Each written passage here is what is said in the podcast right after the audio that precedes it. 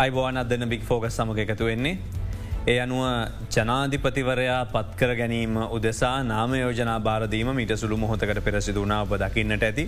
ඉතිං අපි බලාපොරොත්තු වෙන්නේ අද විශේෂ දවසක් හෙට ඒ ජනාධිපතිර තෝරා පත් කරගන්න.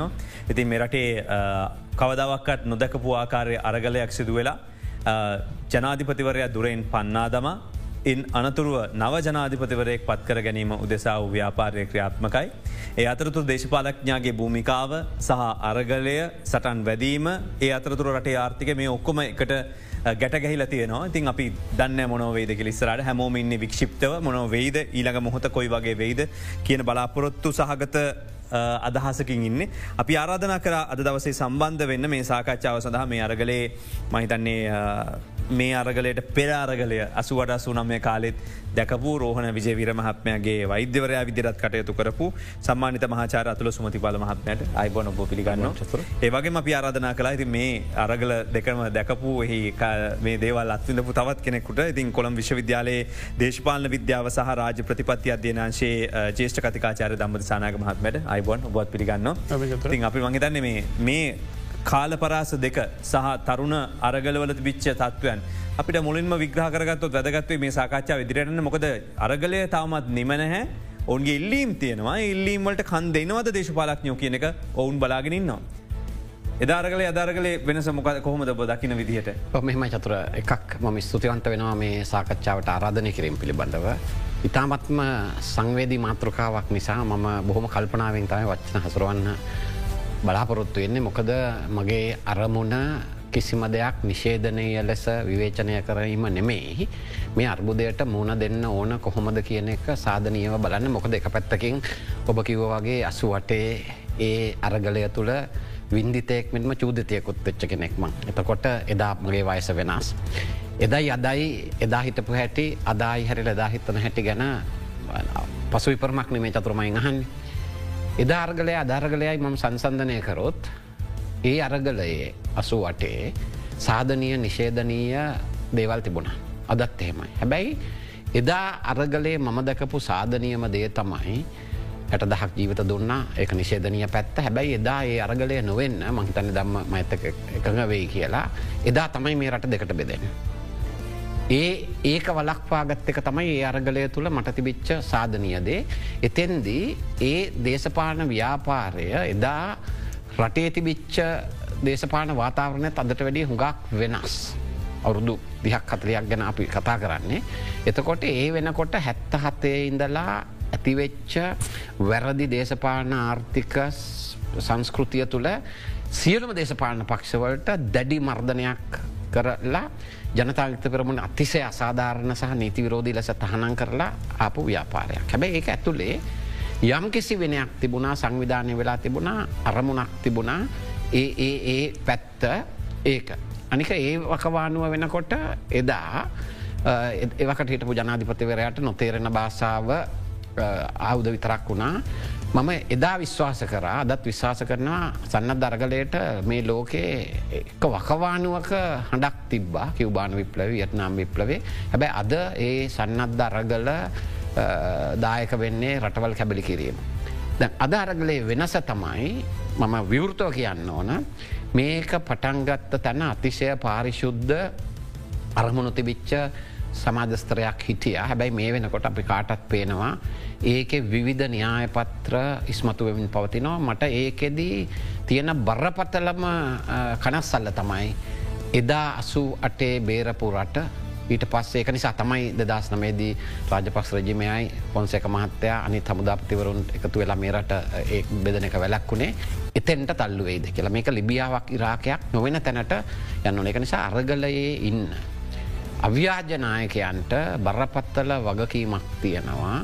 මේක හරි කල්පනාවෙන් චතුර කළමනා කර ද මෙහෙමයි. අසුවට ඔබතුමා කියන කතා ද ඔබතුමාලගේ ඒ කාලවකවානුවේ මේක හෙඩ්ඩ එකත් තිබ්බා. දැමක හිසක් නොමති නායකත්ව නොමැති අරගල යකොබ කාඩද කියන්න එතකොට මේක. පොදුවේ හැමෝටම කියන්න ඕන නායකයෝ කියන අය ඉස්මතුට දසු වටෙත් චතුර වනේ අවසාන භාගය වෙනකොට ඒ නායකත්තය යම් ආකාරයකට බෙදීමක් ඇති වුණ. එකම හොඳටම දන්න මොකද විජේවීර කියල තිබුණ අන්තිම දේශපාලන මණ්ඩ රැස්වීමේදී මේ වැඩේ හරි ගියොත් හරිගිහමන මේ හරි ගියොත් ලෝකටම කියන්න කියලා වෙන කොහෙවත් මේකත් හදා බලන්න එපා කියලා. එදත් උනේ එතන හිටපු තරුණනායකත්වය විසින් ඒක යම් කිසි සීමාවක් කට එහාගෙනනිච්ච දැන් ඕන මර්ගලයක චතුර ම විශවාස කරන තමයි ප්‍රභාකරට වැරදුනෙත් එතන.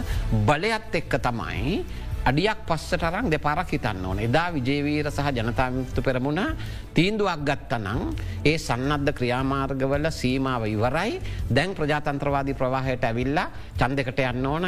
නොදීපු පාර්ලිමේන්තු සහ ජනධපතිමතිවරම දෙකට තියන්න ඕන. එහෙම එහෙම පෙළගැහීම කනිත් පක්ෂත් එක්කාවනේ මස් රාත්තලම ඉල්ලු අයිද ප්‍රභාකරට නෙත් ඒකයි. ඒක නිසා මම කියන්නේ දැන් මේ අරගලය තුළ පැහැදිලිව ඉස්මත්තු වෙලා එන වෙන විධ ප්‍රවණතාවයන් තියෙනවා. එක නිසා සියලු දෙනාගෙම වගකීම තමයි අරගලයේ සාධනීය කොටසමම් සාධනය කියන්නේ චතුර මේ අරගලය. පොල්ලෙන් ගහලා පරණ දේශපාලක්ඥයොන්ට කියලා තියෙනවා පරණ සෙල්ලං බෑ. එක හොඳ පණවිඩයක්. හැබැයි හොඳදේ වැරදි විදිහට කරන්න ගියොත් දැන් උදාහරණය කසෙන්ගත් හම දැන් ම දැක්කයි සමහර තරුණනාගයෝ කියන මෙන්න මේටික විතරයි ක්‍රියාත්මක කරන්න ඕන. එහෙම වෙන්න බෑනේ චතුර මාධ්‍යට විල්ල කියනම අපි කියන දේ විතරයි කියන්න ඕන.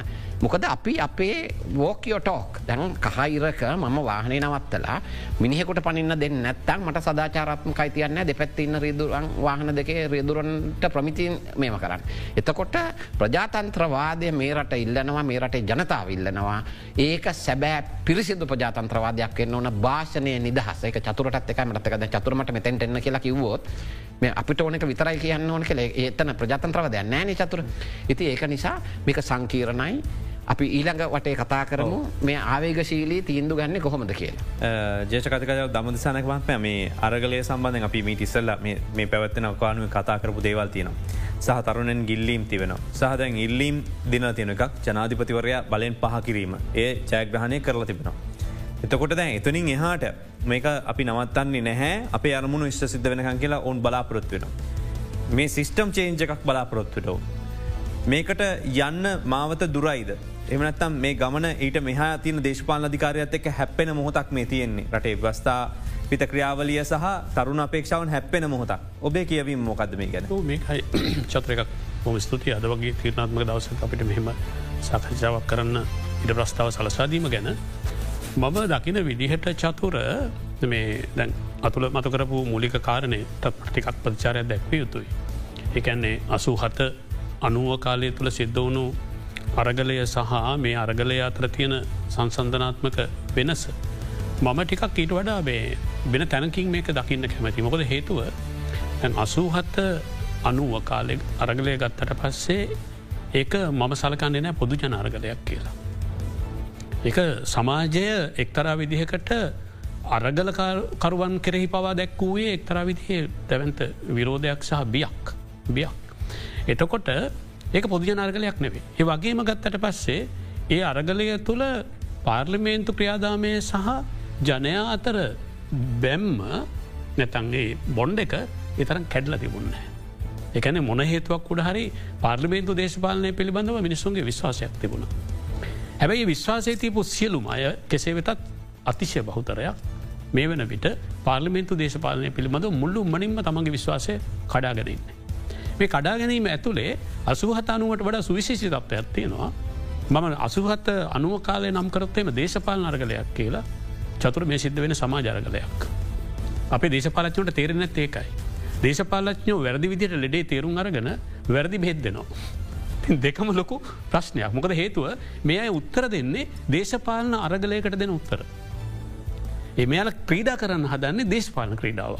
හැබැයි සමාජය තුළ තියෙන්නේ සමාජ ක්‍රීඩාවක්ෂ සමාජාරගලයක් දැ මේක අප බ්‍රංස වෙන්න පුළුවන්නේ කෙනෙකුට පැදිලි මොකක්ද මේ කියන්නේ කියලා. ප්‍රශ්ය තියෙන්නේ මේ අරගලයට සම්බන්ධ වෙන අය සහ අරගලය කෙරෙහි සානුකම්පිතව බලන ජනයගත්තට පස්සේ ඔවුන් විවිධ පන්තිවලට අදාලයි.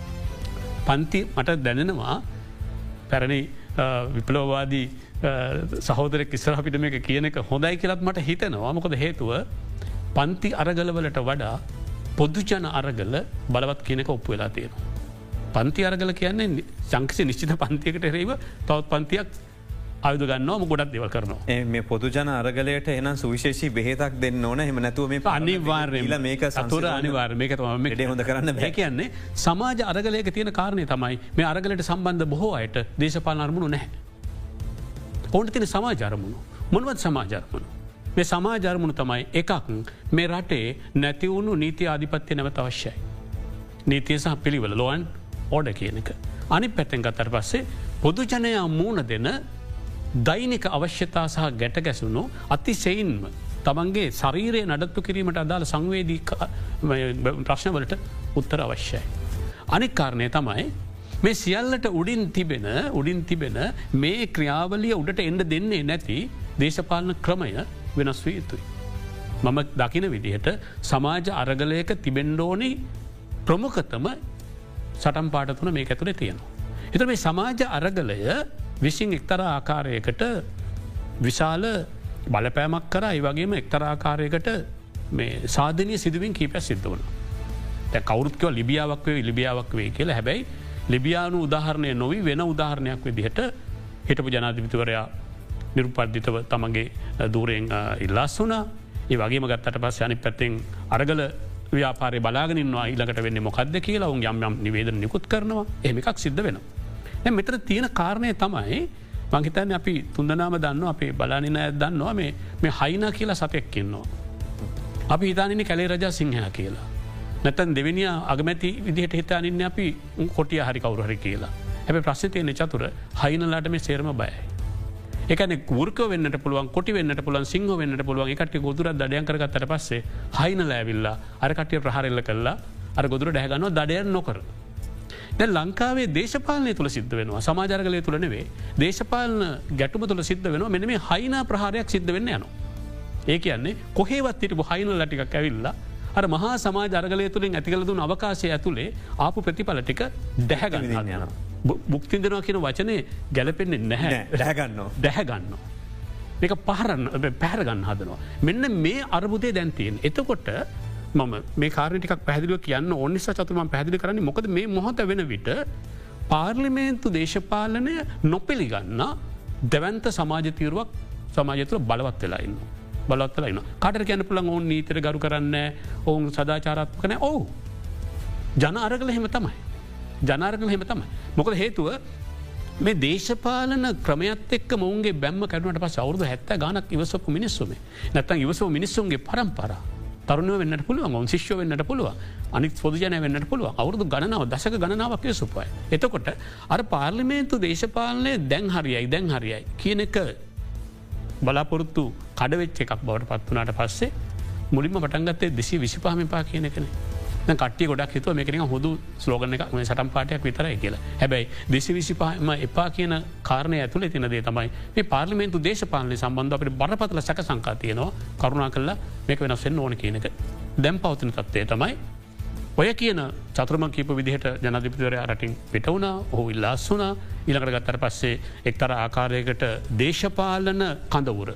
සමාජ කඳුරනේ දේශපාලන කඳුර බලහීන කඳුරක් බවට පත්වලා ඉන්න දේශපාලන කඳුර දැන් උත්සා කරමින් ඉන්න තමගේ බලය නැවත ගොඩ්නක ගැනීම සඳහා. මෙන්න මේ දෙකාතර දැන් ගැටුමත්තියෙන. සමාජ ව්‍යාපාරය සහනැත සමාජ අරගලය සහ දේශපාලන කඳවුර අතර ගැටුමත්තිය. මේකම වරක කිව්වා මේ වැඩසටහනකට මැවිල්ල චතුර එක්තර විදිරට පරණ එංගලන්ත උදාහරණය මතක් වෙනවා පාර්ලිමේන්තුවාදීන් සහ සමාජ ව්‍යාපාරවාදීන් අතර ලොකු ගැටමත්තිය. ප්‍රශ්න තියෙන්නේ මේකට මොකද දෙන උත්තරේ. මේකට දෙන උත්තරය අතිශයම පරිසංගෙන උත්තරයක් නිසතුර. අපි හිතමු අර සමාජ අරගලයට තුඩු දුන්න අයම නැතන් තුඩු දුන්න කෙනෙක්ම ඒ සමාජ අරගලයට ප්‍රමුඛ හේතුවක් වුණ කෙනෙක්ම රටේ ජනාධිපති උනොත් එහෙම වෙන්න පුළන්දි මොකක්ද. සාවමින් යන්නේ ඒ වගේ දෙයක්. ඒ නොවිය යුතුයි උනත් වැඩක් නෑ. උනත් වැඩක් නැමොකද හේතුව හයිනා ප්‍රහාරවලට සෑහෙන බලයක් තින බව ඇත්ත. හැබැයි ඊට වඩා බලවත් පොදුජනයාගේ බලය. මේක අපි අත්දකිමින් ඉන්න. අත්දකිමින් ඉන්න මම ප්‍රාර්ථනා කන දෙයක් තියෙන චතුව. ඒක තමයි මේ ලංකාව මේ ලිබියානු උදාහරණයට සමාන නොවේවා කියන එක. සමාන නොවවා කියන එක කේද වාචකයක් එක. සමාන නොවවා කිය දැන් දැ ප්‍රයි ප්‍රශ් වරයි කියලවගේ හිත ඒර්තන චතුර. ඒත් ඒර්තන චතුර. ගොඩක් කියන දත්තමයි සාමාන්‍ය විහාරතුර තියන්නේ හරි පැකේජ් හරි බැලස් හරි එක්ස්පිරියන්ස එක හරි නෙට්වක් එකට ෆිට් වෙන්න හච්ච එක සෙට් වෙන්න. ලංකාව ලිබියාවක් කරන්න එපා ලිබියාවක් කරන්න එපා කියලා. මම හිතන්නේ මම නැවත මේ අවධරණය කරන්න මේ සමාජ අරගලයට සමාජ විරෝධයට තීරණාත්මකව තුඩුදුන් අය නැවත බලය පිහිටෙව්වොත් වෙන්න පුළන් කාරණ දෙකක් තියෙනවා. එකක් තමයි ඒක නඩත්තු කරන යන්න බැහැ. දෙවැනි කාරණය තමයි සර්ව පාර්ශවී ආණ්ඩුවක් පිහිටුවන්න බැහැ. ඒකත් කඩා කපරන මොකක්ද තුරවෙන්නේ. අති දැවන්ත සමාජ ව්‍යාකුලතාවයක්. නමුත් සමාජ ව්‍යාකුලතාව එසේ තියෙන වෙලාවේ දැන් මේ සම්බන්ධයෙන් මේ අරගලේ එක අවස්ථාවලදී මුහුණුවර විදිහරාපු කණ්ඩෑම් කර ප්‍රකාශ තමයි. අපි මේක ඩිසයින් කරේ අරාබී වසන්තේ සිිස්ටම් එකට. ඇබැයි වනට මේක ඊට වෙනස්සන තම ප්‍රජාතන් ප්‍රවාදී ප්‍රවාහයක් මේ තියෙන්නේ. කොයලාකක්ත් එවැනි සන්නද්ධ ස්වරූපයක් නෑ කියන එක. එතර මංහට තපරද චතුරෝ. ඒකමතම චතුරම කියන්න. ම ඉඩ දෙන්න සමවන්න ඒකමතම මේ කියන්නේ. මේක බලයතියෙන් එතන. මේක සන්නද්ධ ව්‍යාපාරයක් නොවීම තුළයි මේකට බලය තියෙන්නේ. ඒ බලය ඒ බලය වතුර විදින මැසිිනලින් නැතම් වාහනවලින් හරි කඳුළු ගෑස්වලින් හරි තුවක්වලින් හරි මර්ධනය කරන්න බැහැ. ඒක මොකද හේතුව ආයුධ සන්නද්ධ නොවුණු බලයක්. මොකක්ද තින ලෙජිටිමසියක ආයුධ සන්නද්ධ නොවුණු බලයකට එරෙහිව ආයුදොසවන්න. ඔන්න ඔත්තනයි මංහිතන දේශපාලඥෝ වරද්දගත්ත තැනසා තේරුන් නොගත්ත රෝගේ සහ දෙන්න හදන බෙහෙත. එනිසා තියෙන ප්‍රශ්නය තමයි මේ මහ ජන බලය විසින් සම්මුතියක් ඇතුළේ ගොඩනගෙන්නේ නැති ඕනෑම ජනාධිපතිවරයකුට ඕනෑම ආණ්ඩුවකට ඉස්සරහට යන්න දෙන්නේ නැහැ. මොකද හේතුව? ඒක සමාජ අභිලාශයෙන් නොවන නිසා. දැන් ඔබ වෛද්‍යවරයෙක් විදිහට සහ මේ සිලිබඳව හිතන සමන මනෝ විද්‍යාත්මක දේශන පවත්වන කෙනෙක් විදිරම මේ කහන තොට දැන් මේක තවත් චෝදනාව කෙල්ලවෙන්නේ මේ තරුණාරගලයට හිසක් නෑ වගේම මේ එන්නේ තරුණයෝ රැල්ලට එන්නේ. ඒගොල්ලෝ හිතන පතන පිරිසක් නෙවෙයි ඒගොල්ලෝ ඔබ ව්‍යවස්ථාව දන්නේ නෑ. ඒගොල්ලු රටේ නීතිය දන්නේ නෑ. ජේකතක දම මහත්මක මවශන මේ ජන බලයත් එක් ගොඩන ගච්චක මේ තම මිනිසුන් හැඟීම් දැනීමගේ ඔබතුමා කොහොම මේ මෙම ම මුලිම කියන්නන ම දම්මත් එක සියට සීයක් එකඟ වෙන ඒ දම්ම කරපු විග්‍රහයට. අනික එදා පන්ති අර්ගලයක් තිබුණා. හැමදාම පිළිකුල් කරපු එකක් තමයි දම්ම එක ඇතුළේ පන්ති වෛරය කියල එකක් තිබුණා. වෛරයට ඉඩක් නෑ. තොකට මේ අරගලේ චතුරහාපු ප්‍රශ්නයට උත්තර දෙන්න මම කොහොමටවත් කියන්න මේක ආරම්භ කරපු අය නොදනුවත් කමින් කරා කියන එක. අර සමාජරගලය ඒක ගැන හිතල අර දම්ම කිවෝවගේ අවුරුදු හැත්ත හතරක් චතුර දැක්මක් නැති සදාචාර විරෝධී දේශපානයක් මේ රටේ තිබුණ. විශේෂෙන් ඇත්ත හතෙන් පස්සේ වංචාව දූෂණය රජ කරා. වැරදි ආර්ථික ප්‍රතිපත්ය විසින් මේ ආර්ථිකරබුද ඇති කරලා තියෙන ඒක්කම දැන් දම්ම කිව්වා වගේ හැබයි ම ඊට හට යන්න මෙතන පාර්ලිමෙන්තු ක්‍රම පිළිබඳ අවිශවාස විතරක් නෙමේ රාජ්‍ය නිලදෑරි පැලැන්තිය. එකැනෙ දූෂිත යම් කොටසක් එහෙම ඕනා ඉළඟට අනි පැත්තෙන් ගත්තහම ජනතාව තුළත් අර දේශපාන හර පද්ධතිවල තියෙන විෂමතාවය වගේ ජනතාව තුළත් ඒ වගේ දෙයක් ඇවිලා යැපෙන මනසක්කටාව දේශපාලක්ඥයෝ ජනතාවගේ නූගත්කම සහ යැපෙන භාවය නඩත්තු කර. මේ සමස්ත අවුලක් තමයි තියෙන්නේ. තකොට තරුණ පරම්පරාව මම විශ්වාස කරනවා දැනුවත් උගත් මධ්‍යම පන්තික තරුණ පරම්පරාවක් මේ වැරද්ද දැකලා මේකට මැදිහතුන හැබැමි මෙතන පොඩි වෙනසක් තියෙන චතුර. මෙහෙම ම මේක දකින්නේ මේ වෛද්‍යවරයෙක් දිට මනස පිළිබඳව. දැන් අපේ දැන් අවුදු පහේ දරුව හිතන විදිට මේ අවුදු දහය දරුව හිතන්න. දහය දරුව හිතන දිරට මේ පහල වෙදරුව හිතන්නේ. එතකොට අපේ අපේ සියලු කාරිභාරයන් තීන්දු කරන්නේ මොලෙක්න්නේ එතොට අපේ හෙන් දකින්න දේ තැන්පත්වන තැනක්ති නො කනින් අහනදේ තැන්පත්වන තැනත්තින් තොට අවුරුදු විසිහතරක් වෙනකං චතුර අපේ තීන්දු තීරණ ගන්න මේ ඇමික්දලා කියලා විවහයක් තියෙනවා. ඒක මුල් කරන්න ඒව හරි ආවේගශීලී පිරිසිදුයි. හැබැයි හැඟීම් බරයි.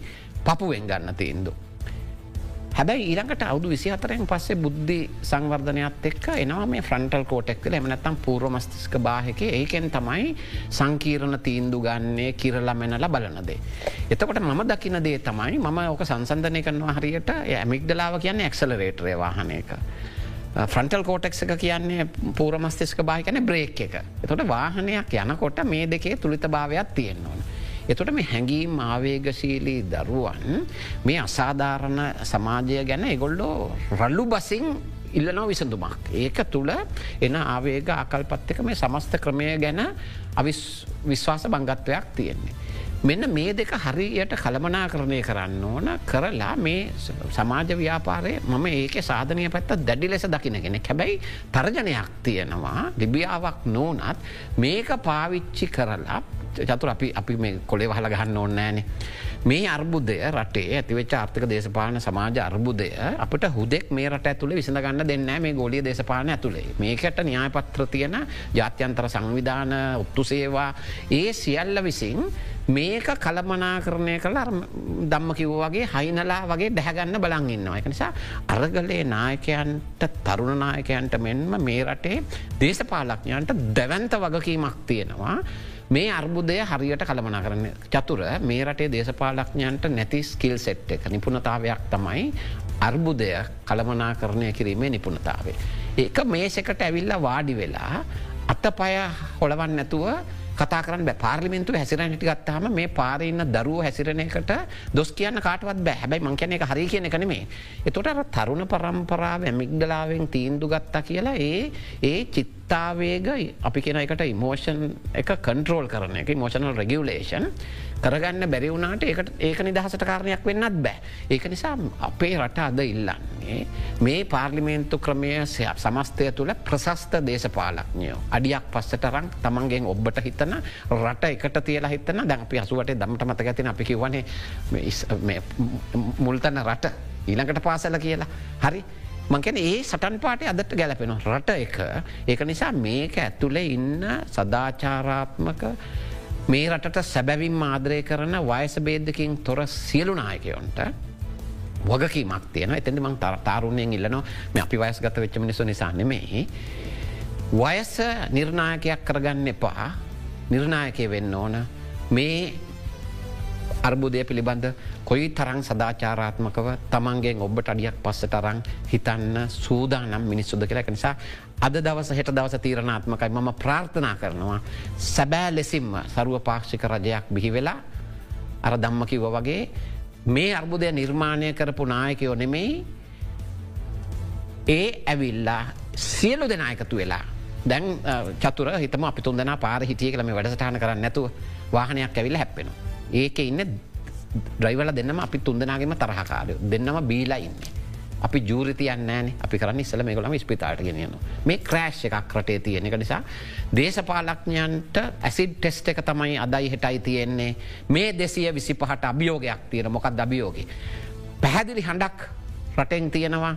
මේ පරණ සෙල්ලම බෑ.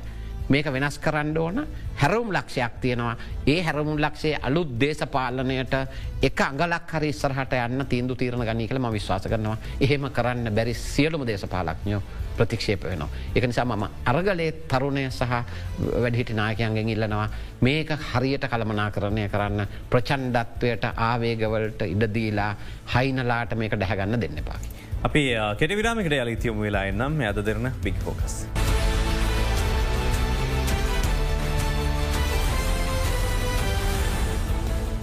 ඔයලි අදරන බික් ෆෝක සමඟ එකතු වෙන්නේ අපි සාකච්ඡාව මෙහ වන්නේ රටේ ඉතාමත්ම තීරණාත්මක දවසක මේ වෙලාවේ අරගලය ඉල්ලන්නේ මොකක්ද දේශපාල අධිකාරය ලබා දෙන්න මොනවගේ උත්තරද. සහ රට ගන්නවන මොනවගේ උත්තරද කියලායි මේ සාකච්ඡාව. දැ මෙතන තව ප්‍රශ්න ගණනාවක් තියන මේ වෙලා විසාකච්ඡාවට ලක් කෙරෙන. එකක් තමයි සාම්ප්‍රදායකව ජනාධිපතිවරයා පත් කර ගැනීම. අගමැතිවරයා පත් කර ගැනීම. එතකොට දැන් ආපව් සැකයක් මතු වෙනවා ජනාධිපති පත්වනොත් අගමති දුරය ඇත්තරම දෙයිද ඉතිහාසහෙම නොකරපු තැන් තියෙනවා. වගේ මේ සාකච්ඡායක එක තැනකට එන්න බැරි වෙලා තියෙනවා මේ දේශපාලන අධිකාරීන් සියලු දෙනාට දේශවල පක්ෂ සියලු දෙනාට. මේක එකතාවයක් ඇතිකරගන් තියෙන සුදුසු විදිහ මොකක්ද. චතුර මෙමයි එකක් තමයි මේ දැපි ගත්තොත් එහෙම කර එක කාරණයකට පොඩි ප්‍රතිචරක්ම දැක්වීතුයි දැඟට අදහසක්තිය නොන මේ මේ සමාජ අරගල වාදී ව්‍යාපාරයට හෙඩ් එකක් නෑ කියලා. හැබ මහිතන එක මුල එහෙම තමයි තිබුණේ දැන්වනටුන් හෙඩ් එකක් ඉදිරිපත් කලත් මක නොගේ වැඩ පිළිවල. ඕ යෝජනාවලයක් ඉදිරිපත් කලා තියෙනවා ඒ යෝජනාවලියට අරගල භූමිය තුළ ඉන්න අයගේ විරෝධයක් නෑ එකට එකඟතාවයක් තියෙන අරගල භූමිය හෝ අරගලය තුළ ඉන්න මේ වචන ගැන චරපි නොහිතයිම. එතකොට නැම වැඩ පිළිවල් නෙද සමාජය තුළ බලවත්. විශේෂම ගත්තොත් එම මහජන සභාවක් පිළිබඳව අදහස ගත්තොත් එහෙම අනි පැත්තෙන් ගත්තොත් එහෙම ජනාධිපති ක්‍රමය වෙනස් කිරීම සම්බන්ධව යෝජනාව ඒ වගේම ගත්තොත්තම සර්ව පාර්ශවය ආණ්ඩුව පිහිටවන්න ඕනි කෙන යෝජන ඒව සමාජයද සමාජය ලොකු බලයක් තියෙන යෝජනාද. එහිනිසාපට කියන්න බැහැචතුර මේ අරගල ව්‍යාපාරය දඩාවත යනුවයි කියලා කියන්න බැහැ. ඒකට යංගිසි විදිහේ නිර්ණායක සහ ගමන් මාර්ගයක් හැදමින් තියෙනවා. කාරණයකයි අනි පැත්තෙන් ගත්තට පස්සේ පාර්ලිමේන්තුව තවමත් හිතාන ඉන්නවා. මේ පාර්ලිමේන්තුවේ තියෙන ප්‍රශ්නයක් හිද තමයි එකන මේක යන්න බැරි පාර්ලිමේන්තුවේ යංකිසි විදිහේ ඇන මුරිච්චි මාරු කරට පස්සේ මේ කිසරට ගෙනියන්න පුළුවන් කිය. මේක වැරදි නිගමනයක්. වැරදි නිගමනයක්. මූලික වශයෙන්ම වෙන්න ඕනි කාරණය තමයි සමාජය තුළ මගේ එහම පුළු අර්තෙන් ගන්න පුළු අර්තෙන් ගත්තොත්තේම මේ සමාජ විරෝධතා ව්‍යාපාරය සහ පාර්ලිමේන්තු දේශපාලන බල හවුල අතරනේ මේ ගැටුම තියෙන්නේ. මේ ගැටුම ප්‍රබලව තියන ඒ දෙගොල්ලු අතර. ඒ දෙගොල්ල අතර ගැටුම තියෙනවා නම් ඒ ගැටුම විසඳා ගැනීමට යං කිසි විදිිය ඕමනාවක් තිබෙනය පාර්ලිමේන්තුව තුළ සිටිනවා නම් ඔුන් කළ යුත්තෙකොමද සම්මුතියක් ගොඩ්නාග ගන්න එක. ඒම නැතම් මේක සාකච්ඡාව මේක ලස්සන වචනයක් තියෙනවා චතුර අපි විශ්විද්‍යාල පාච්චයන වචනයක් ඩෙලිබරේටව ඩිමොක්‍රසි කියලා. එකට අපි වාච්ච කරන්නේ සංගායනීය ප්‍රජාතන්ත්‍රවාදය කියලා. එන කට්ටේ එකට එකතු වෙලා අමාරු එකතු කරන්න නමුත් එකට එකතු වෙලා පොදු තීරණවලට යායුතු. දැන් ප්‍රශ්න තියෙන්නේ බලයට පත්වන ජනාධිපතිවරයක් දැවරෙක් කියන අපි දන්නවනේ දොරයක් නෙවේ වරෙක් තම එන්නේ හරි. එතකොට පත්වන ජනාතිපතිවරයා එවැනි සම්මුතිකාමී කෙනෙක් නොවුණොත්. ඒම නැත්තන් ගත්තොත් එහෙම එක්තර ආකාරය පලිගැනීමේ මානසිකත්වයකින් සිට්න කෙනෙක් උනොත්. අනි පැත්තෙන් ගත්තට පස්සේ රට පිළිබඳව රටේ ජාතික රාජ්‍ය පිළිබඳව ගැඹුරු හර්දශාක්ෂයක් නැති කෙනෙක් උනොත්. වෙන්ඩ තියෙන විනාසේ ගොඩක් වැඩි. එනිසා ම හිතන්න පාර්මින්තුතුරේ නති බෞතරයකට එවැනි හර්ද සාක්ෂයක් තියෙනවා කියලා නමුත් සමාවෙන් හර්ද සාක්ෂියත් එක්ක දැන් මෙතුම කියන කරණය කොට සක එකක් තමයි අපි වාහන හැපිලා තියන ක්‍රෑශ් වෙලා තිය තොට මේ අනිවාරයම වෙනම තීරදුවක් ගන්නවන මොහොතව. එතකොට දැන් හැම වරකම ජනාධිපතිවරණයකදී අපි අහන්නේ අදාළ ජනාධිපතිවරගේ සංකල්පරාමුව විතරයි. අපි ක්‍රියාකාරී සැලස්මක් කව දාවකත් ඉදිරිපත් කරන්නේ නෑ මෙන්න වැඩපිල්ල තිනසීයේ ඉන් පස්සේ අවුරුද්ධ මේ වැඩපිළ මේ වෙන මේ එවැනි ක්‍රියාකාරී සැලසුමක් තවමත් මේ ඉන්න අපේක්ෂක විදිර එනවයි කියපු කිසිම කෙනෙ ඉදිරිපත් කරෙත් නෑ. එතකොට ක්‍රියාකාරී සැලස්මක් නැතුව එක සංකල්පරාමුව කරගෙන විල්ල ඔය විදිට ම මේමකනවා දෙදස් විසි අතරෙන් පස්සයාරයනවා දෙදස් විසිහය වෙනවා එකනෙක් කියන අනිත් එක්ෙන කියන නෑමට කරන්න පුළුවන් කමත්තින දෙන්න බාරකල මේක පිළිගනීද. එන කෙනට කරන්න වෙන්නේ චතුර ඔබ හරිම වැදගත් ප්‍රශ්නයක් ඇවේ එන කෙනට කරන්න සිද්ධ වෙන්නේ තැරවකාරයක කාර්යභාරය. අතරමැදිගේ කාර්යභාරය. ඇත්ත. ඒ ඉදිරිපත්වන අය නිශ්ිත වැඩපිල්ලක් ඉදිරිපත් කරලන. හැබැයි සමාජය වෙතින් වැඩ පිල්ලක් ඉදිරිපත්වල තියෙනවා. ඒ වැඩ පිළිවෙලේ ගැටලු නැහැනේ. ගැටලු තියෙනවනම් කතා කල්ලක විසනගන්න පුළුවන් මට්ටමක තියෙන්. එතකොට සමාජය කැන සමගැන ඔය කියන පාර්ලිමේන්තු බලකඳවුරට විකල්ප විවිධ සංවිධාන විවිධ දේශපාලන පක්ෂ මේ වැඩපිල් ඇතුළ ඉන්න. එතකොට ඒ වැඩපිළිවල සහ පාර්ලිමේන්තුවේ අවශ්‍යනි නෛතික ඉඩකඩක් මේ වැඩපිල්ල ක්‍රියාත්ම කරන්න. අන්න ඒ දෙක කිරීම සඳහා වන බොහොම නිහතමානි තරවකරුවකින අපිට අවශ්‍ය. ඇතු චන්ඩියෙක් නෙවේනේ මමයි ලොක්ක කියනෙක් කෙනෙක් නෙවේනේ මන්තමයි කරන්න අනිවාර මමක උදාහරණය ගන්න මමක උදාහරණය ගන්න චතුර එදස්නව සතලි සතේ පරණ උදාහරයක් වුණට මේක අදර ගැලපෙනවා. මවන්් බැටන් තමයි හිටියේ සාමවරය සාමවර තමයි හිටිය ඉන්දියාවේ ආණ්ඩුකාරවරය. එතකොට හතුලි සතේ ඉන්දියාවට නිදහස ලැබෙන. හැබැයි පළවෙනි ආණ්ඩුව සරපාර්ශවය ආණ්ඩුවක්. ඒ සර්පාර්ශවය ආණ්ඩු ප්‍රධානය කවුද. නේරු නෙවෙයි. සර්ව පාර්ශවය ආණ්ඩු ප්‍රධානය මවන්් බැටන්. නේරු සහ මවන් බැටන්ගේ පවුලේ එකයි සම්බන්ධතින විධ කට කතා තියන අපට එච්චර අදාලන එක නේරුගේ මවන් බැටන් සාමිගේ නොනගේ අතර ප්‍රශ්නයක් විදිර අපි සලකමකෝ සලකමකෝ නමුත් මවුන් බැටන් ගත්තට පස්සේ ඕටිකක් ශිෂ්ට සම්පන්න ආණ්ඩුකාරවරයෙක් ඔහු සභහපති. ඒ සමහපති උපසභාපති විදිට එන්නේ නේරු. හැබැයි ඒක හිටියා ඔය කියන සියලුමය. වජවල් පටෙල්ලා ගංගාධර් තිලක්ලා සුභස් චන්ද්‍රපොස් ලැකැන කැරලිකාරයොත් හිටිය සාමකාම ප්‍රජාතන්ත්‍රවාදී පාරසවත් හිටිය සියලුමයකට එක් හොල මොකද කර එකට හදාගත නිදා සිින්දියාවට ආණ්ඩු ක්‍රම ව්‍යස්ථාව හරි අත්තිවාර්ම හරි අත්වර්ම ඒ අත්වර්ම දාන උදව් කර කවුද. අතර මෙදිය. විශ්වාස කරන්න විශ්වාස කරන්න ගාන්ධි යෝජනා කරනවා මේ කැපකිරින් අවශ්‍යය චතුර දේශපාලනය මේ බල තන්නාව පෙරේතකම සල්ලි තන්නාව නෙවේ. අපේ රට පාලකොන තියන බල මොකද මේ ධනතන්න හමනවේ සල්ලි තන්නාව. සල්ලි කොළ මෙහම ගණන් කරන්න ආසා ඒ තරම් පෙරේතයි. හරි මැසින් එකින් අරගන ගණන් කරන කට්ටිය. හරි. ගාන්දි කියනවා ඉන්දියාව කැඩෙන් යන්නේ. ඉන්දියාව කැඩෙන් යන්නේ අපි ජින්නව අගමැති කරමු. පලවෙනි ආණ්ඩුව අගමතිකරම ජින්නම කියලා එක එක මවන් පටනුත් එකට මගුල කපුකම් කරන මවන් පටේ නොනත් එකට මගුල කපුකම් කරමකොද ඉන්දියාව බේරගන්න ඔය කවුරු චෝදනා කරන්න එංගලන්තට ඕනකම තිබුණා මවන් බටනත් එංගලන්ත චර්චල්ටේක මනාව තිබුණ චර්චල්ගේම එක තමයි දිනර අතුලෙස්සල කිවවාගේ වෙන බලක තියෙනවන. හරිද? නමුත් මේ ගාන්ධි සහ මේ සේරම හිටියේ ජින්නාක මැති කරමු කියලා. ඒ එවැනි කැපකිරීම කාට ගැනපලනක ජින්න කියනක සුදුතර කණ්ඩායම ඔයවයි කතන්දර කියන්න තිබනන අපේ රටේ කදරගාමර අගමැති කරනතුව විදින වේදනාව පිතවමත් දන්නවනේ. තවමත් දන්නවා. ඒ ඒ සාපයම යන්නේ. හරිද. එහෙම ගත්තට පස්සේ චතුර මේ අතර මැදියාගේ කාර්ය භාරය. මොකද හිතන්න නං හොඳ නෑසහ හිතන්න එපා කියලමං කියනවා. පාර්ලිමේන්තු කණ්ඩායම ටයිකොට් ඇඳ ඉන්නවන්නට පුළුව ඒකට ජාතිකඳ ඇඳ ඉන්නවන්නට පුළුවන්.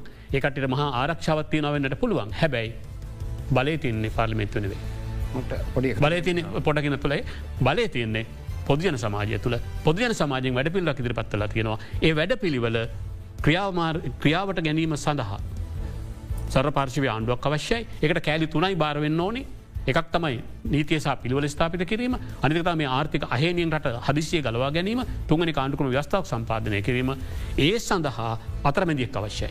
ඔය පාර්ලිමෙන්තුවය පත්කරගන්න හදන්න හෙට ජනාධිපති කෙනෙක් කිනොට වඩා බිදිමත් මිත්‍රශීලි අතරමැදියෙක් පිය යුතුයි.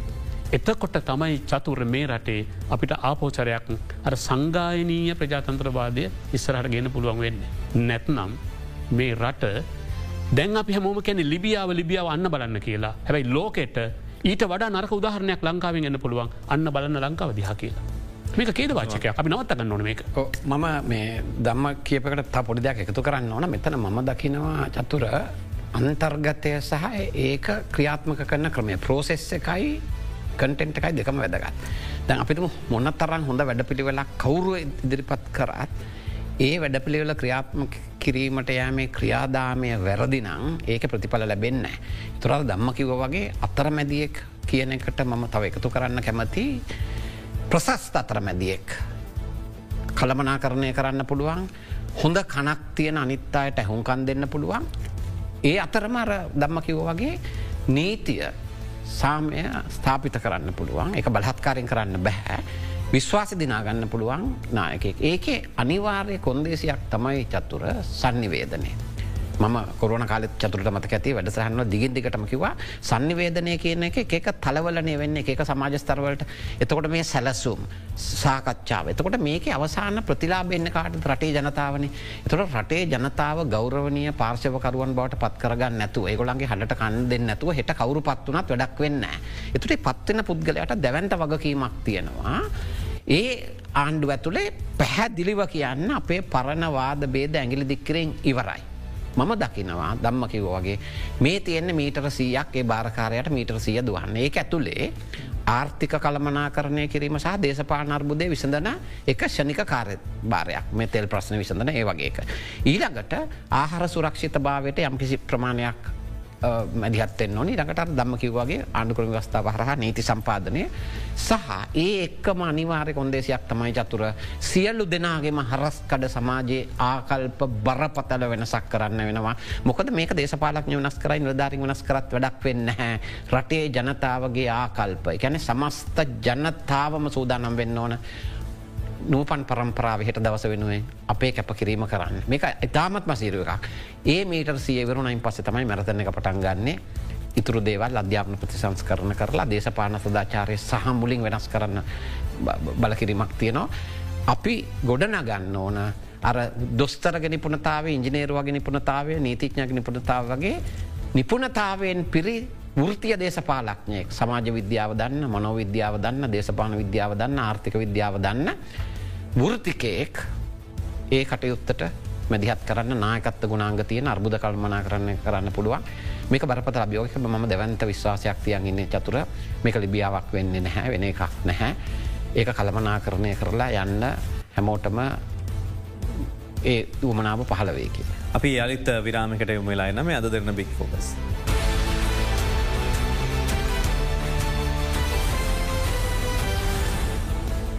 ඔයාලි අද දෙරන බික් ෆෝගස් සමඟ එකතු වෙන්නේ තැන් මේ බෝධනෙක් දිග කාලයක් තිස්සේ කරන සංවාධයක් තමයි තවමත් අපිට මේ විදායක ජනාධිපති ක්‍රමේ පා කියන එක. ආපහු පාරක් කියනවා නෑම එක තියෙන් ඕන නැත්තන් දහතුන බලාත්මක වෙනවා මේ බලය නැති වෙනවා මේක හින්ද තමයි රට එකත් ඒ ඒ රාජ්‍යයක් විදිර තියෙන්නේ කියලා ආපෝ කෑලෙ එක් සත් රාජ්‍යයක් විදිර තියෙන්නේ කියලා. දැන් මේකම කොටසක් විදිරගෙන තියෙනවා මේක තමයි මේ බෙදුම්වාදී වැඩ පිල්ල තමයි මේ අරගල තුළින් දැන් ඔන්න එන්න හදන්න කියලා. ඔබතුමලගේ මතේ මොකද මේ දැන් ආපහ යෝජනාව ඇවිලතින පාර්ලිමෙන්තුට අයි විදායක අගමැතිවරේ විදායක ජනාධිපතිවරය වෙනුවට. නාපවගෙන නෑ විදායක ජනාධිපති හොඳයි විදායක අගමැති එපා. උළු රටම එකතු වෙලා එකම පුද්ගලෙක් ජනාධිපති කන්න එකම අවස්ථාවට ඉඩ තියන්න කියලා. මොකක්ද කෙටි මතය මේ ගැන. දම්ම ඉස්සල කියන්නක. මෙහෙමයි. චතුර. මේ ක්‍රමය වැදගත්තමයි තැන් අපි ගත්තොත් එහෙම ඇමරිකා අර්තාවය කම්මට පොඩි පොඩි පටවවිල්ලක් ලිහන්න ඕනේ මේ රටේ ආණ්ඩුක්‍රම ව්‍යස්ථාවේ විදායක ජනාධිපති දූරය කළ එකක් නැහැ චතුර. අපේ රටේ තියෙන්නේ මේ ජනාධිපති දූරයක්. ඇත්තම ගත්තොත්ව මේ රටේ තියෙන ජනාධිපති ක්‍රමයකුත් නෙවෙයි. පෙරටේ තියෙන අර්ධ ජනාධිපති ක්‍රමයක් මොකද පාර්ලිමෙන්තුව අනි පැත්තෙන් තියෙන නිසා. ජනාධිපති ක්‍රමේ තියෙන රටක් තමයි ඇමරිකා එක්සත් ජනපදය. එතකොට මම ජනාධිපති ක්‍රමයකට කැමති. ඇයි ඇයි අපි මේ ජනාධිපති ක්‍රමයට විදායක කියනකොට එකතුනයකින් හරි වැදගත්න. ඒක තමයි අපේ රටේ ජනාධිපති දූරය ආපු ගමම්ම විදායක ශේත්‍රය ගොඩක් බලවත් වුණ. ගොඩක් බලත්වන විදායකක නැතරම ජනාධිපති ප්‍රමුඛ ඇමතිමටල ගොඩක් බලවත් වුණ. ගොඩක් බලවත් වන විතරක් නෙවේ මේ ජනාධිපති විසින් පාර්ලිමේන්තුව නිවට කරා. නිවට කර. එකතම් වචන. එකන පාර්ලිමේන්තුව තමන්ට ඕනි විදියට හසුරුවන්න පුළුවන් වන විදිහ යක් බවට පත් කරගත්ත එක දිගටම යන උදාහරන කරගත්තොත්තම පලවෙනි දකීම තමයි පාර්ලිමෙන්න්තු මන්ත්‍රවරුන්ගේ ඉල්ලාස්වීම දින රහිත ඉල්ලාස්වීම ලිපි පලවෙනි ජනාධිපතිවරය විසින් ලබා ගැනීම. එකන පුරාදසයක් දුන්න පාර්ලිමේන්තු මෙතිරින් පස්සේ ඉවරයි නිකං කතාසාපුවක් විතරයි කියලා. තීන තීර සේරම ගන්න විදායක විසි. ජනාධවිත ප්‍රමුඛ කැබිනට මණ්ඩල ඉතින් පාර්ලිමේන්තුම කොට ඔය කියන සංගානය ප්‍රජාතන්ත්‍රවාදයක් තිබුණ අප පාර්ලිමේන්තුවේ. විතර ප්‍රශ්නය තියෙන්නේ හරි එමරිකාක්ෂ ජනපදය අපි ගම් ඇමරිකක්ෂ ජනපදයගත්තර පස්සේ හිතියෙන්නේ ජනාධිපති ක්‍රමය.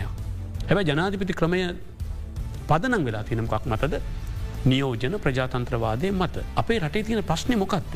නියෝජන ප්‍රජාතන්ත්‍රවාදය කියනක මුල්ලු මනින්ම බොරුවක් බවට පත්වලා තියෙනවා. අපේ නියෝජිතයොන්ගේ වග විස්තර දැනගත්තොත්තේම නියෝජතන්ගේ සුසකංගන හිතුවොත්තේම නියෝජන පිළිබඳ ඔවන්ට තින අවබෝධයසා පිළිබඳ හැඟීම ගත්තොත්තේම එහෙම එකක් නැහැ. එකන නියෝජන ප්‍රජාතන්ත්‍රවාදය පිළිබඳ මහා සංස්කෘතියක් අපේ රටේ නවසි තිස්සක ඉදම වර්ධනය වුණේ නැහැ චතුර. මේක ප්‍රතිඵලයක් විදිහට අදරත් තියෙන අර වැඩවසම් සම්බන්ධතා ජාල ඇත්තම නඩත්තුවෙන්. එතකොට ජනාධිපති ක්‍රමය සහ පාර්ලිමේන්තු ක්‍රම එකට තියාගන්න වන අපික නම් කරමු එකෝ ජනාධිපති පාර්ලිමේන්තු ආණ්ඩු ක්‍රම එමනතන් ගත්තොත්තේම අර්ධ ජනාධිපති ආණ්ඩු ක්‍රම කියලා මොකක්ද මේක ක්‍රියාත්මක වෙන්නට ඕනේ. ව්‍යස්ථාදායක විදායක අධිකරන කියන තුනම චතුර ඔය එලියේ ඉන්න ජනයාට අයිති දෙයක්. ඔවුන්ගේ පරමාධිපත්ති බලය කොටස් තුනක් ඔය. එතර මේ කොටස් තුනෙන් එකක්වත් එක්කට වඩා උඩ වෙන්න උඩ වෙන්න බෑ පහත් වෙන්නත් බෑ මේකට අපි කියන සංවරණ හා තුළන මූල ධර්ම කියලා. ඇමරිකා එක්සත් ජනපදයේ ජනාධිපති ක්‍රමය. මුල්ලු මනින්ම කොංග්‍රස්සකෙන් පිට රාජ්‍ය ලේකම්බරු පත් කර ගැනත් මේක හරි වැදකත් කාරණය මොක දේතුව අපේ ඇ පාර්ලිමේන්ත්‍රය පත් කරගන්න. පත් කරගන්න පිටින් පත් කරගනත් අපිට වඩා ප්‍රජාතන්ත්‍රවාදී ඇයි. හරනම් වල් බූර නිදහස බුක්තින්නේ බව මයිකාර්මයි පැට ම පත් කරගත් පිටි කොංග්‍රස්ස කවන මගුලක් කරගන්නවා කියලා. මෙතන ප්‍රශ්නයක් තියෙනවා චතුර අපි වර්ධනය කරගත්තේ ප්‍රජාතන්ත්‍රවාදි සංස්කෘතියක් නෙවේ. ඒ නිසා අපිට මෙහෙමයි ආකෘතිය කුමක් වුවත්. ඒ ආකෘතිය අනිවාර්යම නියාමනය විය යුතුයි. නියාමනය විතුයි එකක් තමයි මහජන බලයෙන් න්‍යාමනය විය යුතුයි අනිත් එක තමයි ප්‍රජාතන්ත්‍රවාදය පිළිබඳ නියෝජනය මත පදනං වන මූල ධර්මවලින් න්‍යාමනය විය යුතුයි. අපිට ආපු කේදවාචකය ආවේ ආණ්ඩුකම ව්‍යස්ථාවත් එයින් එලියට ආපු නියෝජිතයනුත් ඔය කියන ප්‍රජාතන්ත්‍රවාදයවත් ඔය කියන නියෝජන සිද්ධහන්තවලටවත් ගරු නොකිරීම. ඒවා විසින් න්‍යාමනය නොකිරීම හැබැයි දැන් නියාමනයක් ඇවිත් තියනවා දැන් දොරට තට්ටු කරනවා නියාමනය. එතකොට ඒකයිම රිසල කිව්වේ මම අවධාරණය කරන චතුර අත්තර මැදිය කායුතුයි ඕ ප්‍රශස්ත තමයි. ඇහුම් කන්දන තමයි. සන්නිවේදන ගැප්ස් නැති කෙනෙක් විය යුතුයි. මෙහෙම අතරමැදියෙක් නොවාවොත් හෙට ලංකාවට ඇතිවන තත්ත්වය මං හිතන්නේ තිබුණට වඩ නරකක් මිසකනම් හොඳ එකක් නෙවේ. මම එකතු කිරීමක් කරනවා මම එකඟයි දම්ම කියපකට මත් ඇත්තරම විදායක ජනධිප්කමේ සහමුලින් හෝසි කනවට සියට සියක් එකඟ නෑ දැන් තියෙන වාතාවරණයක් එක්ක. ොද මම ඒක මම මේ රට දිහා බලන්න එකම කන්නාඩියකින් ඒකි භාවේ. මේ රටේ හැටදාහක් ජීවිත දුන්න අසුවටේ ඒකි රාජ්‍ය රකින්න යම්මාකාරයක අරමුණක් එක්ක ඉට පස්සේ දෙදස් නමය වෙන්නකොට අදත් ඇඳං උඩ ඉන්න සොල්දාදුව ඉන්නවා. තම තමන්ගේ ජීවිත දීලා ඒක රාජ්‍ය වෙන මෙතන තියෙන දේ විදාක ජනාධිපත ක්‍රමය දහතුනත් එක් ගැටගහිල්ල චතුර මතකනේ වර්දරාජ පෙරුමාල් කරපු දෙත් එක්ක. ඒ වෙංවීමට තියෙන ඉඩ හැකියාව වලක්වන්න පුළුවන් ක්‍රමේ තොට මම එකඟයි. සියලු දෙනාම එකතු වෙලා බරපතල ලෙස සාකච්ඡා කරලා මේවායේ ජනාධිපතිවරයා කර දහනම්වැනි එක හරහාපු බලතල අඩු කිරීම එක පාර්ලිමෙන්තුට වැඩි බලයක් දීලා ඒ කටයුතු කිරීම හැබැයි මේ මොන ආණ්ඩු ක්‍රමි වස්ථාවල් හැදුවත් මේවට එන්නේ පරණ තාලයේ මිනිස්සුනම්. ඔය නියාමනය කෙරෙන් නෑදම් ඕක තම ඇත්තටම වෙන්නේ එක නිසා මේ ඉල්ලන්නේ ආණ්ඩු ක්‍රම වස්ථාව පමණක් වෙනස්වීම නෙමෙයි මේ දැවන්ත දේශපාන සංස්කෘතියක් සමස්ත ජනතාවගේම. හොරුන්ට චන්දදීලා පත් කරල යවල හොරා හොරා කියලා වැඩක් වෙන්නේ නෑ. ඒක නිසා මේක හරහා මේ හැම දෙනාම හිතන ක්‍රම වෙනස් එන්න නිළඟට තමන් හිතන ක්‍රම පොඩ කතරමැදි ෝට එකතු කරන්න ඕනේ. අපි ශිෂ්ටම එකක් හදන්න ඕන චතුර. හොරෙක් ආවත් හොරකං කරන්න බැරිවෙන. ඕක කාර හොරු නවත්තන්න බෑ අපිට. සමාජික හොරු ඇතික හැයි හොරෙක් ආවත් හොරකං කරන්න බැරිවෙන විදිේ පද්ධතිය අපිට අවශ්‍ය සිිටම් එකක් වශ අද හොඳ දෙයක් තියෙනවා චතුර වෙනද ප්‍රෘති බලපු නැතිය අද ප්‍රෘති බලන. වෙනද දේශපාන සාකච්ඡා නොකරපු අය සාකච්ඡා කරන. වෙනදා ඔය කියපු නියෝජිත ප්‍රජාතන්ත්‍රවාදයට චන්ද දීලවර වෙලා ඊළ ගෞරුදු පහවෙනකං නිදාගෙන හිටපු මිනිසු කතා කරන. ඒක පිබිදීමක්. මම කියන්නේ මේ අවස්ථාවක් කරගන්න ඕන කියලා මේ අපි කියන සමස්ත වෙනස ඇති කරන්න. මහිතන්නේ වෙනස බලාපොරොත්තුවෙන් ඉන්න වෙලාවේ ඔව පෞද්ගලිකව හිතන්නේ වෙන්න යන්න මොනවගේ දෙයක්. මේ මෙහෙමයි චතුර මදන මං හිතන එක පෞද්ජලික සමාජී කියල දෙක් තේරෙන් මේක තමට ගෙදරනුත් එන චෝදනාව.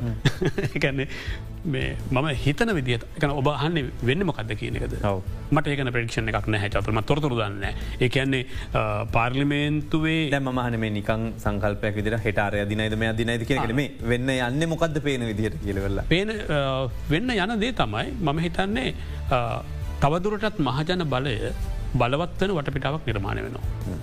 තවදුරටත් මහජන බලය වර්ධනය වෙන වටපිටාවක් නිර්මාණය වෙනවා.